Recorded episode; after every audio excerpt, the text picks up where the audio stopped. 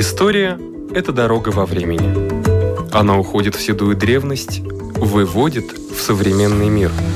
Она показывает, рассказывает, объясняет. И не перестает удивлять. Живая история.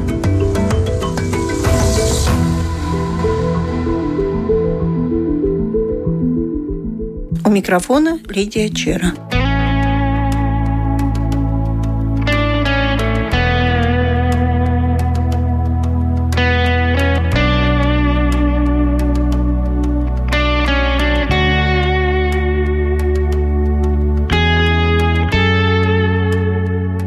В этом году исполняется 30 лет со дня январских баррикад 1991 года.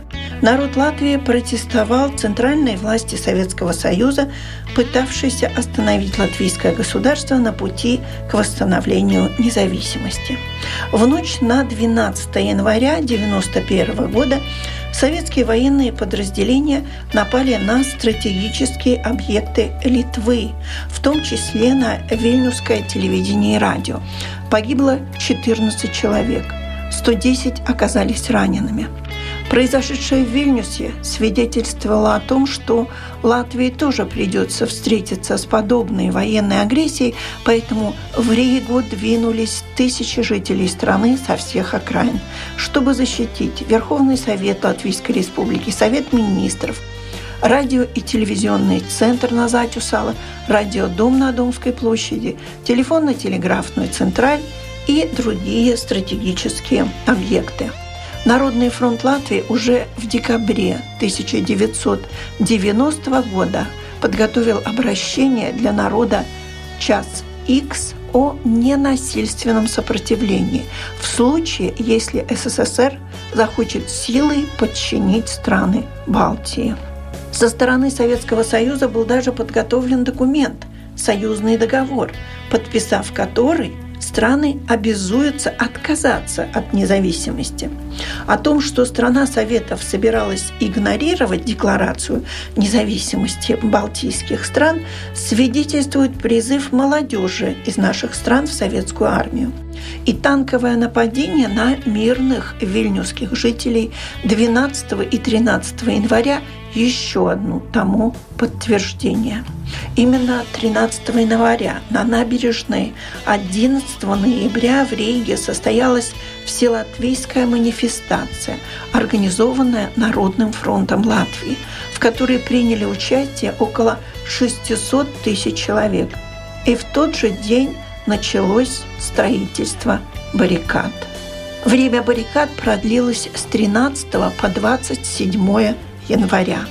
Это было добровольное, но организованное мероприятие с координаторами по всей Латвии. 16 января во время баррикад погиб шофер Роберт Мурникс. Во время нападения ОМОНа на здание Министерства внутренних дел были застрелены работники Министерства Владимир Гаманович и Сергей Каноненко, режиссер Андрис Слапинч, школьник Эдис Рекстинч. Позже от полученных ран скончался оператор Гвидо Звайксне. 21 января в старом городе при строительстве баррикад погиб Илгвар Грезинч. 25 января, когда состоялись похороны погибших, этот день объявили национальным днем траура. Государственный музей истории Латвии отмечает 30-летие баррикадных дней виртуальной галереей фотографий как профессиональных фотографов, так и из частных коллекций.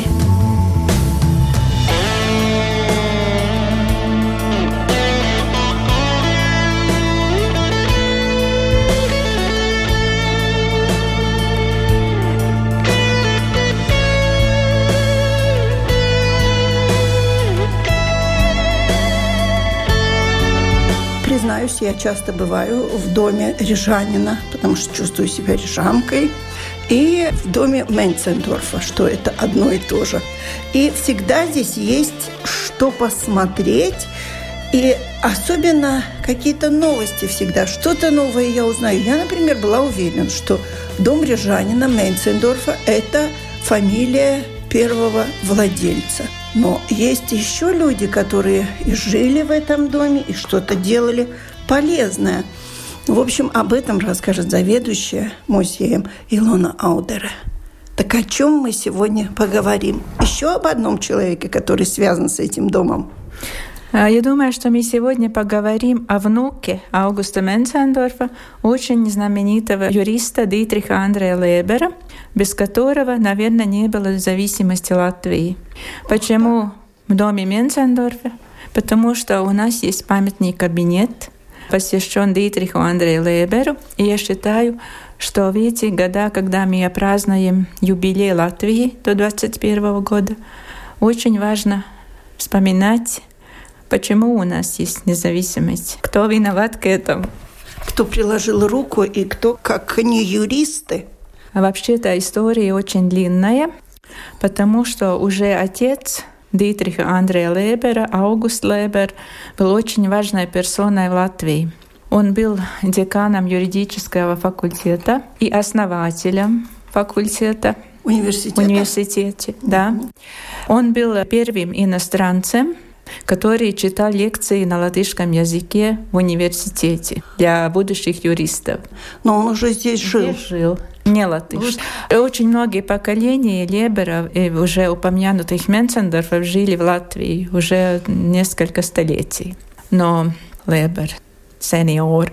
Он был сенатором Латвии, Латвийской республики. Это отец? Отец, да. Говорю про отца, потому что тесно связан вопрос про том, про сына. Сенатором Первой республики, и он приложил свою руку и к всем законам государства, с которыми мы живем и наши дни. Расскажу То дальше, почему. Да? Сатверсме и э, закон э, гражданский латвийского государства.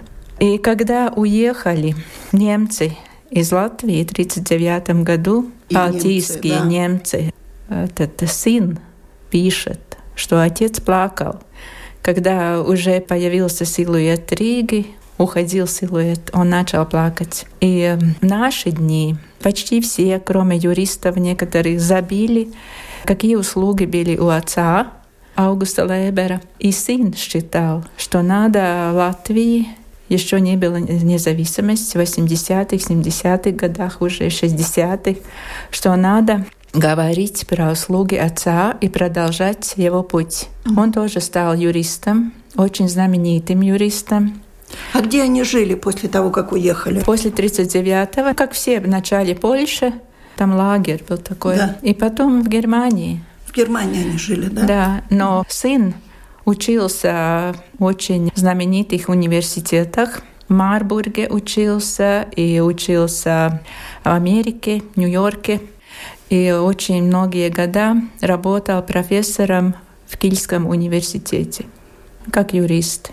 И уже в 60-х годах он говорил и писал про вопросы прав Балтии – и он был первым, который раскрыл текст э, документов пакта э, Молотова-Риббентропа и Европе, и в Латвии. И с его помощью все эти документы были э, доставлены в Латвию уже перед... То есть копии этих документов да, пакта? Да, и даже карта, которую подписали Сталин и Риббентроп.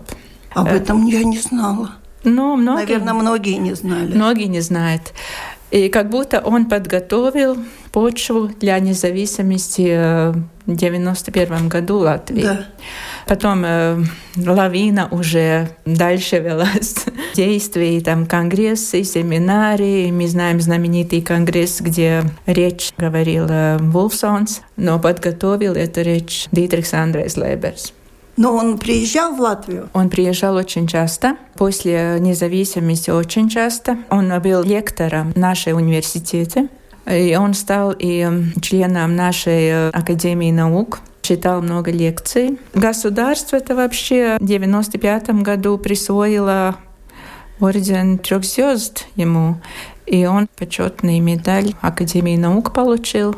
Но народ Латвии очень мало знает про этого человека. Абсолютно ничего Да. не знаю. Когда он родился? Хотя бы начнем с этого. Вот я хотела очень много рассказывать. Вот но- давайте. Он родился в 23 году в Латвии, и когда они уехали, ему было только 16 лет. Но уже разумный возраст, он Да, уже но- запомнил Латвию. Ну да, но эту мечту про Латвию он видел, что отец не смог смириться всю жизнь про то, что Латвия потеряла независимость, потеряла систему прав, которые он освоил в Латвии. И сын жил вместе с ним переживал это все. И у Дидриха Андрея был и брат, очень э, такой молодой, талантливый юрист. И когда он учился в Латвии, ему было 19 лет, он заболел Здесь, и умер. И отец тоже до смерти не мог смириться, что такой талантливый сын умер. И, наверное, это тоже была причина, что другой сын, который был много лет моложе, что он э, эту мечту отца Осуществил. осуществил, Мгм. да. И стал очень-очень э, знаменитым для Латвии, очень славным человеком. Про оба их вместе все время говорю, потому что сын очень много напечатал э, работы, статьи, книги своего отца про которые забили в Латвии. Тоже была его задача, не только эти исторические документы. Он много писал, сборник сделал про выезд э, немцев из Латвии, из Эстонии уже там за Про рубежом был да. очень ответственный. И в Латвии много говорят про Гельсинский меморанд. Он был тоже основателем э, этого Гельсинского меморанда, Это автора. Хельсинки 86, как это? Но была 86 организация? организаций, но этот меморанд был уже в 73 году. Это текст про оккупации, Про э, оккупацию балтийских Латвии. стран. Э, Ну, конечно, легко было говорить. Живя в Германии, можно говорить легко. А здесь попробуй скажи. С Гуннером Астра не сравнится. Вообще-то человеку, который находится не в Латвии, немножко легче что-то сделать, но и не очень легко, потому что попасть сюда не так легко. И с другой стороны, если бы он выступал на конгрессе, как Вулфсон, наверное, Да. не так слушались его. Да, конечно. Да, а если Какой-то немец да. приехал. А если человек Латвии Местный, это говорит, тогда уже другое дело. Да. Но это я думаю про 89 год, когда выступал Вулфсон. Да, тогда КГБ работало очень внимательно. Даже не понимаю, как Дидрих Лебер мог связаться с Латвией, с какой организацией, с какими людьми. Ведь, в принципе, все были под колпаком у КГБ. Да, и так э, конкретно он уже сам выступал в 88 году в Таллине про все эти вопросы Риббентрофа-Молотова пакта и про Да. независимость Латвии. Это уже первый такой большой выступление. Сперва только статьи и выступления в конгрессах в Европе, но уже здесь, в Балтии, 88 год был как подготовка к тому, что следует потом. Но тогда он уже тоже был в солидном возрасте, где-то 66 лет, наверное, в Таллине. 65. Но кроме этой политики большой, он еще был основателем общества Домус Регенсис, который находится в доме Менцендорфа, немецко-балтийское общество культуры, потому что он считал, что каждый народ миноритеты, что они должны сохранять, несмотря на того, что они не живут в своей родине, свой идентитет. И за это заботится общество этих национальностей. И он был первым, который такую инициативу проявил, что надо для немцев Риги и Латвии. Ну, у нас больше из Риги люди приходят. И не только для немцев, потом это общество уже выросло до того, что там и вступили люди, которые просто интересуются историей и культурой, которые создали немцы. Не только э, немцы по национальности. Еще большая заслуга. По его инициативе организован музей в доме Верховного суда. Там выставлены экспонаты его отца, там и документы, и как они работали во время Первой Латвии. И обязательно надо говорить о том, что он был очень э, таким э, большим меценатом. И вообще, смотря назад, вся семья И Леберов, и Менцендорфа всегда всю жизнь посвящали тому, чтобы они стали и меценатами больших славных дел. Там и были и для приюта, Приютов. для приют, для и для сиротских приютов. сиротских приютов, и для важных всяких дел. Но Дитрихс Андрес Леберс, он очень много спонсорировал студентов. Он создал фонд своего отца, фонд Аугуста Менцендорфа, и талантливые юристы будущие получили стипендии от Но этого это в фонда. какие годы было? Еще сейчас. До сих пор? Дитрих Андрей Лебер уже умер, но стипендии фонд еще работает. Пока будут деньги, будет фонд. И этот фонд и видал всякие печатные работы, э, книги, и журналы юридические, факсимиль, я не И даже книга про дома Менцендорфа, которую написала Илона Аудере, спонсорирована Дитрихом Андреем Лебером. Да, Илона Аудере. Он очень много помог нашему музею. И материально, и идейно тоже. Да. Что еще важно? Он человек, который очень интересовался своими родственниками. Он написал... Э, Которые здесь остались или вообще? Вообще. Вообще, как называется, про родословное дерево. Исследовал. У нас есть такие густые книги, издания, которые он написал про Менцендорфов. И начал очень много уже про Леберах, но умер не издали. Про Лебера одна книжечка маленькая, но тоже такая хорошая, но это только про отца и про его семью. Но про других родственников он не успел напечатать, но готово. Это но много детей было у того же Аугуста. Дидриха. У Августа у двое, у один У Дидриха четыре. Двое из них работали в Латвии в начальные года, помогали как экономисты и как юристы. В начальные года, то есть это после восстановления независимости? 90-е, 2000 еще сейчас нет никого в Латвии. Но они по всему свету. Одна дочь в Австралии да. живет. Один сын должен переехать из одной страны в другой, экономист, mm-hmm. другой юрист. Но они очень близко к профессиям отца выбрали свой путь. Да, да. Один был пять или шесть лет Латвии помощник э, министра экономики. У нас есть в Латвии награда Лебера для юристов при Академии наук. Последняя награда была в 2018 году присвоена юристу Лаздыню. Это для юристов, для политологов, которые что-то важное исследовали в сфере прав и политики. Но это последняя была в 2018 году? Да, четыре награды до тех пор были. Получили наш теперешний президент, одну господин Левит. Левит ученик Дитриха Андрея Лебер, студент. Таловс Юнзис, Лаздинч, юрист Органс. Четыре есть, которые получили до сегодняшнего дня. Но это денежные премии. Там есть медаль такая, награда есть. Да. Но это раз в четыре года.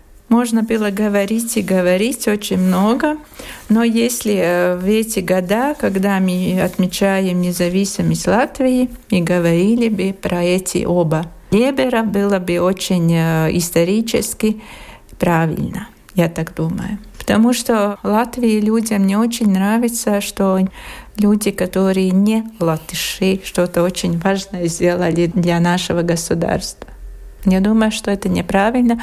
Если я начинала с текстом, что отец, сенатор Лебер, плакал, когда уехал из Латвии, потому что он всю свою жизнь посвящал именно вопросам Латвии, чтобы Латвия была сильная, хорошая правовая система была, чтобы она была как хорошая страна Европы.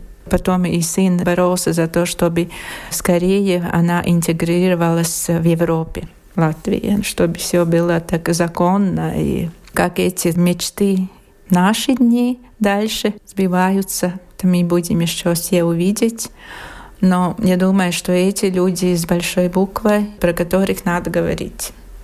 Я правильно поняла, Август Леберс занимался созданием Сатверсме? Да.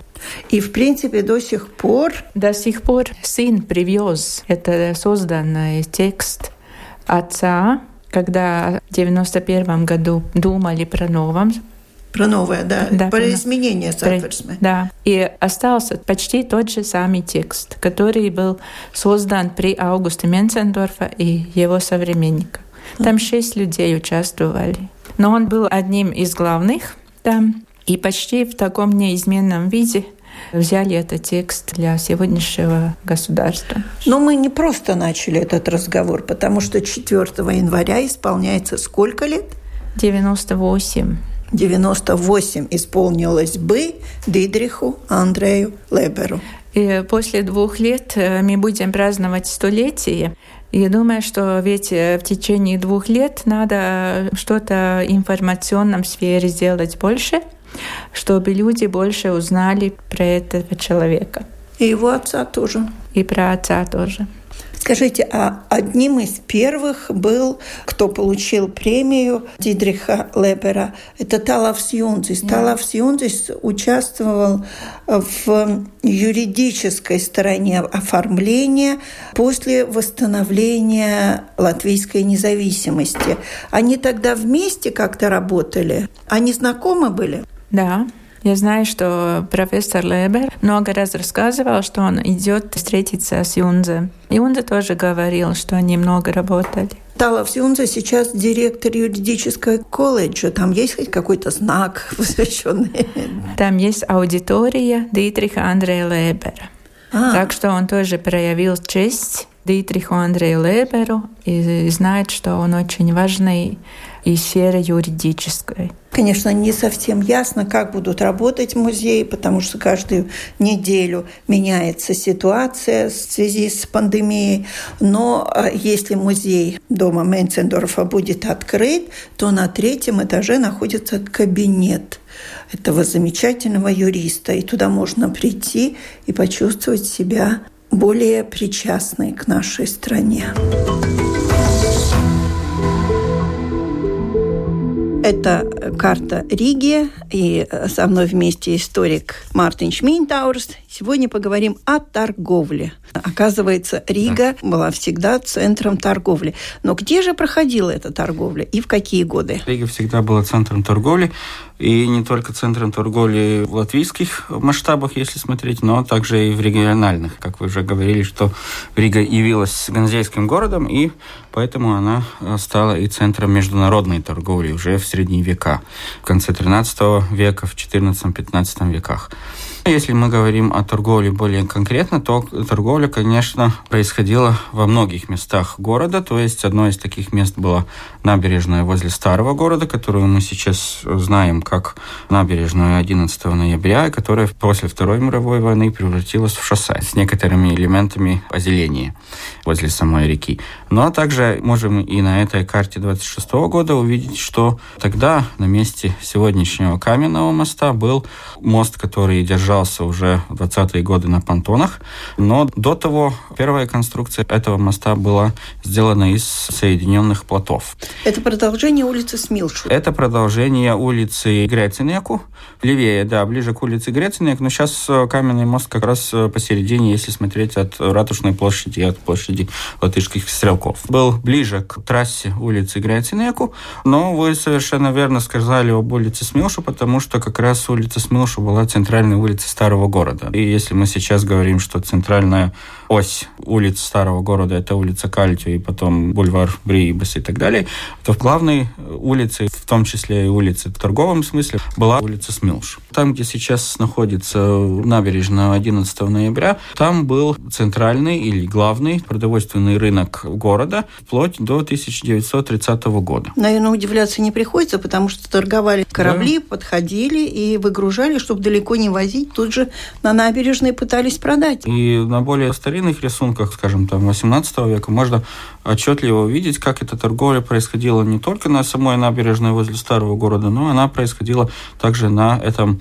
плотовом мосту, о котором мы говорили, потому что он был рубежом между двумя частями бассейна реки. То есть с верхнего течения вниз проходили баржи торговые, и с устья реки, со стороны залива, э, могли заходить вплоть до старого города, до этого моста возле улицы Грецинеко могли заходить большие торговые корабли, которые шли уже через моря и на Западную Европу и куда дальше. Потому можно увидеть и в старых рисунках панорамы Риги, и в картах в том числе, что как раз корабли стоят по двух сторон этого моста, и торговля проходит на самом мосту. Зимой, конечно, эта торговля на мосту не проходила, потому что мост разбирался на зиму, и потом уже его ставили после весеннего потопа, после того, когда Огова вернулась в свое естественное русло.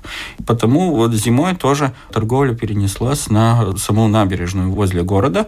Более интенсивно она там происходила после сноса укреплений города, после сноса этих земляных валов, которые окружили старый город да, в 16-17 веках, а потом уже в середине 19 века их снесли, и освободилась довольно большая площадь по объему, где можно было построить все эти тогда еще деревянные постройки, которые были предназначены для торговли. На набережной уже в 19 веке, в начале 20 века происходила более продовольственная торговля. Хотя был один сектор или одна часть этой набережной, где возводился так называемый блошиный рынок. Сейчас это можно было бы сравнить по существу, это что-то подобное рынку Латгалиты, которое угу. мы знаем, где продаются разные старинные или бывшие в употреблении вещи. А что, только продуктовая часть была и блошиный рынок? Да. А одежду, обувь где продавали? Там же? Или... Одежду, обувь там же продавали в этой так называемой продовольственной части, потому что там довольно смешанная торговля происходила. И это был один из поводов для того, чтобы Рижская городская управа уже во времена Латвийской республики в 20-е годы пришла к выводу, что надо что-то сделать с рынком, потому что там все перемешалось уже. Если говорить о продовольственных товарах, то это тоже касается, конечно, вопросов санитарии. Тогда еще санэпидстанции, наверное, не было, как мы ее сейчас знаем, но была какая-то служба, которая была ответственна за то, чтобы не возводились в городе разного рода инфекции, и чтобы не пострадали люди, которые там ходили в этот рынок и покупали товар. А когда уже сдвинулся этот рынок к тем павильонам да. дирижаблей? Павильон дирижаблей – это тоже известно известная история о рижском рынке. Сейчас попала во все путеводители по городу и на русском, и на английском, и на других языках. Как раз э, после Первой мировой войны появилась эта идея, что можно использовать конструкции ангаров цепелинов. И эти ангары цепелинов появились у нас в Курземе, около местечка Вайнюда. Это было еще во время Первой мировой войны в 1916 году. Когда там немецкая армия построила эти ангары, я не нашел никаких э, сведений сведений о том, на самом деле там и дирижабли стояли в этих ангарах в Курзаме в Первую мировую войну или нет, или только построили эту базу для цепелинов. Но так или иначе эти конструкции сохранились еще после э, Первой мировой войны. И тогда в 1924 году было принято решение, что надо использовать эти конструкции для возведения рыночных павильонов. И тогда город купил у государства эти конструкции. Они были разобраны, перевезены в Ригу. И первому, как говорится, по источникам, эта идея пришла в голову архитектору Павелу Дрейманису. И проект начал выстраиваться уже в 1924 году, но так как не хватило бюджетных денег для окончания этого проекта, то строительство как бы растянулось во времени, и основные конструкции были сделаны к 1930 году. Вся это оборудование территории нынешнего центрального рынка, она происходила еще вплоть до 30 1939 года, пока это все достроили и привели в полную готовность. Ну, честно говоря, Рига, наверное, все-таки обладает манией величия, чтобы построить mm-hmm. такой центральный рынок. Ну, можно сказать и так, но тогда, в 30-е годы, одно время это было самое большое торговая площадь в Европе. То есть, если посчитать вместе покрытые помещения, то есть эти пять павильонов, которые построили, и к тому же еще открытое пространство вокруг, где происходит торговля, то полный объем этой территории центрального рынка это около 6 гектаров. Только складовые помещения, которые находятся под землей, около павильонов, это тоже посчитали, что около 1 гектара. Довольно обширная территория. Рынок пострадал отчасти в конце Второй мировой войны в 1944 году. Сохранились фотографии, где видно, что части эти павильоны даже разрушены были, но их отстроили после войны. Ну, вместе с мостом. Вместе с мостом, да, но некоторые вещи еще не восстановили в том виде, как они были до войны. К примеру, там еще еще сохранилось, если мы сейчас говорим о сегодняшнем мясном павильоне, то до войны он был павильон для промышленных товаров и, как тогда говорили, разновидной торговли. Мясом там не торговали. И по этому случаю там была сделана еще такая интересная конструкция, то есть железнодорожная ветка, которая шла от центральной линии около пассажирского вокзала и той линии, которая проходит на железнодорожный мост. Как раз этот э, сегодняшний мясной павильон стоит ближе всего к железной дороге, там была сделана специальная ветка, чтобы подогнать вагоны на уровне второго этажа. Часть этой конструкции еще сохранилась. Если проходить мимо мясного павильона по сторону канала городского, да, то видно, что та пристройка с башнями, которая там стоит, она сохранилась с тех времен, когда еще была там железнодорожная ветка. Но есть еще одна часть в истории торговли. То есть это небезызвестное название «Гостиный двор», которое относилось к комплексу зданий, стоявшему когда-то на площади около улицы Тургенева, то есть там, где сейчас стоит э, здание Академии наук. И это торговое площадь или торговый комплекс тоже появился уже, как историки говорят, в новое время, то есть в 70-е годы 18 века, когда там возводились первые торговые здания э, деревянной постройки. И тогда это место получило название «Гостиный двор». Ну, мы знаем, что, например, в Петербурге сохранился и само здание «Гостиный двор», да, универсальный магазин, и, и весь этот квартал. В Риге тоже был такой гостиный двор, но он был деревянной конструкцией. Этот торговый комплекс сгорел в большом пожаре пожаре 1812 года, когда пострадала и часть э, московского форштата, но был выстроен заново уже около 1820 года там были построены заново все эти здания, тоже деревянные, но торговля там проходила довольно интенсивно до середины 19 века, и потом большая часть этих помещений уже сдавались как склады. Их снесли в 50-е годы 20 века. В 51 году вышло постановление горисполкома о том, что надо снести весь этот комплекс, потому что начали возводить здание Академии наук. Так что Рига торговала, торгует и будет, будет торговать. Историк Мартин Минтаурс. На этом наша программа заканчивается. Всего вам доброго.